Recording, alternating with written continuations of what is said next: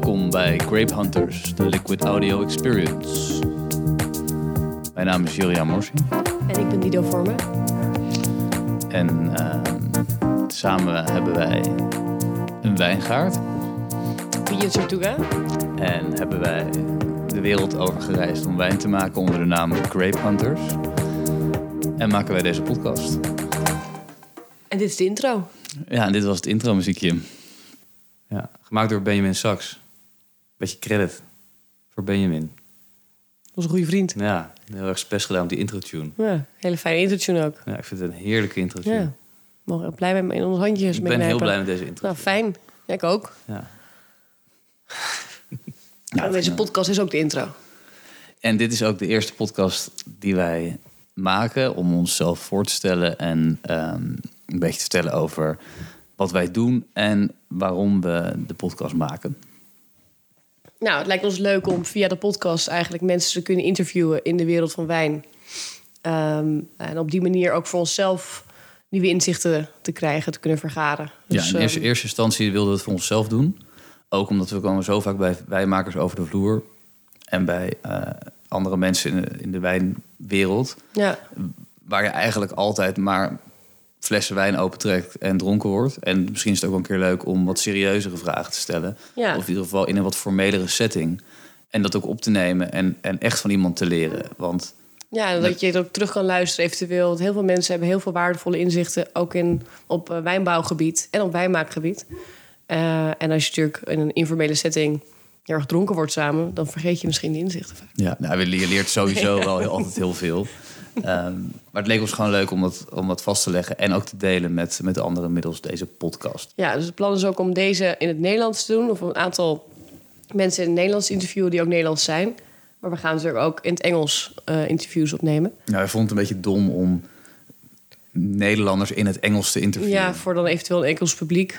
Ja, dan kunnen we beter gewoon separaat een Engelse podcast ernaast maken. Ja. Zo dachten we. We gaan sowieso veel, in, eh, veel Engelse interviews doen. Ja, We hebben er ook wel eentje gedaan. We hebben een aantal opgenomen en eh, een beetje om te kijken hoe het allemaal ging. En ik merkte eigenlijk dat het echt super, super goed gaat. Dat je zo'n uur vol lult met z'n allen. Ja, En ehm, ja, een beetje uit te leggen wie wij zijn. Ehm, wij zijn Dido en Juliaan. En wij wonen in Spanje, in Emporda, in Catalunya, het noorden.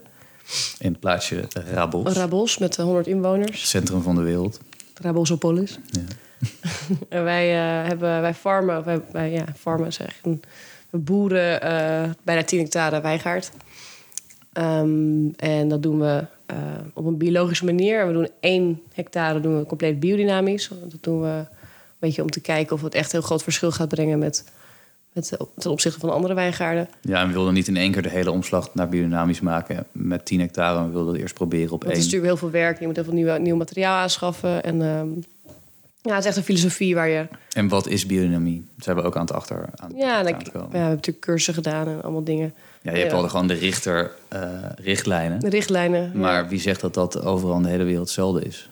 Kijk, ja. Rudolf Steiner kan wel iets bedenken in zijn land, maar waarom werkt dat in Spanje? Nee, maar het is natuurlijk wel de, de, het volgen van de lunaire cyclus en zo, en de maanstand dus, en de sterrenstanden. Dat is natuurlijk wel, nou ja, uh, dat komt overeen. Dat soort dingen zijn we aan het En, uitvinden. En we doen hier, we zijn hier neergestreken twee jaar geleden. En we hebben onze tweede oogst net achter de rug. Um, en ja, dat is allemaal nog best wel... Best wel pril. We zijn heel veel aan het leren nog. Dus we, we maken wijn zonder toevoegingen. Um, en we, ja, we leren echt elk, elke dag weer. We zijn nu in het moment in het seizoen van, het snoei, van het snoeien, dus prunen. Dus elke dag samen in de wijngaard. En uh, denken we na over, uh, over onze wijn, over ons land. En, uh, ja, hoe we het zo best zo, zo, goed mogelijk kunnen doen met zo... Ja, natuurlijk wel... Um, wat inkomsten gehad dit, dit jaar, maar die hebben meteen weer geherinvesteerd in het bedrijf. Dus we zijn een soort van. Uh, blut. Blut de hele tijd. ja, dus ik wou zeggen, zo wij mogelijk middelen zo goed mogelijk doen. Maar hopelijk kunnen we dit jaar uh, uh, iets meer overhouden om eventueel iemand aan te nemen. Uh, in ieder geval drie dagen in de week of zo. Dat we zijn gewoon aan het groeien en aan het ja. bouwen. En het gaat tot nu toe hartstikke goed. We hebben alle wijn die we in 2018 hebben gemaakt, hebben we. Vorige week hebben we de laatste pallet verkocht. Dus dat is ook een heel fijn gevoel. Alles ja. wat we in 2019 hebben gemaakt zit nu nog in de tanks. En uh, dat ziet er heel goed uit. En dat gaan we bottelen vanaf volgende week. Komt de eerste eh, Juicy ehm, gaan we als eerste bottelen. Dat was de wijn die het vorig jaar het beste deed. Ja, dat is een rosé gemaakt van Grenache en Merlot. Ja, en, en Vroege oogst met eh, relatief hoog zuur. We hebben hier natuurlijk ook... Onze gronden zijn eh schist en sleet. Dat is van nature... eh, zijn dat vrij zure, zure gronden met een lage pH. Eh, en we merken ook dat alle planten die hier groeien... een soort van, van natuurlijk zuur behouden. Ja, en we Ehm. komen er wel steeds meer achter. We kwamen hier aan en we maakten... we- we- wij houden zelf heel erg van, van de lichte wijn en laag alcohol. Dus we begonnen dat ook te maken. Wat helemaal haak staat op wat iedereen hier maakt. Want Hier, iedereen ja. maakt iedereen echt dikke alcoholklappers van 15, 16 procent. En, En vroeger, eh, ja, en zijn heel conventioneel. Dus ze voegen zuur toe, ze voegen water toe... om het alcoholprocent van 18 naar 16 te krijgen. Ja, dat wilden wij ze even compleet anders doen. Maar we komen er wel steeds meer achter dat je juist ook op deze eh, gronden heel goed wijn van hoog alcohol kan maken. Ja, omdat het zuur steeds behouden blijft. Ja, dus we gaan wel wat meer experimenteren met... eh, Toch ook ietsje serieuzere dingen. ja, maar dan zonder toevoegingen, en zonder water toe te voegen. Ja, want je, we zitten in een regio met heel veel grote coöperaties. En er zijn maar een aantal kleine wijnboeren. En die hebben het zwaar, want alle grote coöperaties kopen in principe alle stukken land op. Dus je moet echt vechten voor een plekje. Ja, En we hebben hier nu een groep eh, gevormd samen met drie andere eh, natuurwijnmakers. Wat echt super gaaf is. En we proberen ook, zeg ja, we maar... voelen ons echt thuis. We hebben echt een leuk groepje om ons heen ontwikkeld. En ehm, allemaal hele interessante mensen. En het is natuurlijk wel, deze regio, de Emporda, is natuurlijk de Costa Brava. Dus vanaf juni ehm, loopt het helemaal, stroomt helemaal vol met, met eh, toeristen.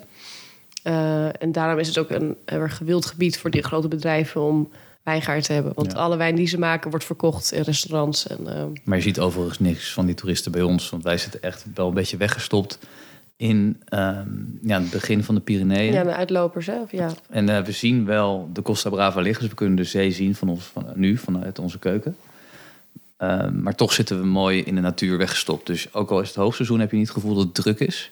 Maar je bent wel op een half uur van alle drukke stranden. Dus je, hebt- nou, dat- zijn dus je afzet, kunnen je afzetkanalen zijn. Maar wij eigenlijk exporteren wij bijna alles. Ja, bijna 75% is denk ik geëxporteerd. De rest in Barcelona en Girona.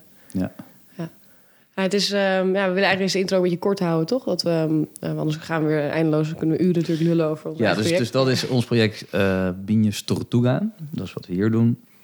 Nou, we hebben dus eh, hiervoor ehm, onder de naam Grape Hunters... hebben we de wereld rondgereisd, overal wijn gemaakt, vijf jaar lang.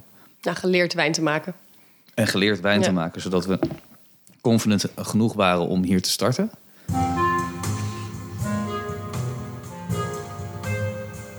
Deze tune zullen jullie al vaker terug horen in de podcast. Het is namelijk de tune voor Listener Mail. Listener Mail zullen we iedere podcast behandelen. En ehm, het kan een, vraag zijn over wijn, of het kan iets zijn wat je met ons wilt delen. Het kan een op- of aanmerking zijn aan de podcast. Ehm, of het kan een tip zijn. Maakt niet uit. We zullen het sowieso behandelen. Heb je een vraag? Stuur hem dan naar info.grapehunters.com of ga naar een van onze social media kanalen, bijvoorbeeld naar Facebook, @grapehunters of naar Instagram @grapehunters. En stuur in Je vraag. je vraag. Dit was het. Ik hoop dat jullie gaan genieten van de podcast. Eh, de eerste editie zal zijn met Florien Kleine Snuvering, een wijnmaker in de Jura, Nederlandse wijnmaakster. En uh, nada más. Veel luisterplezier.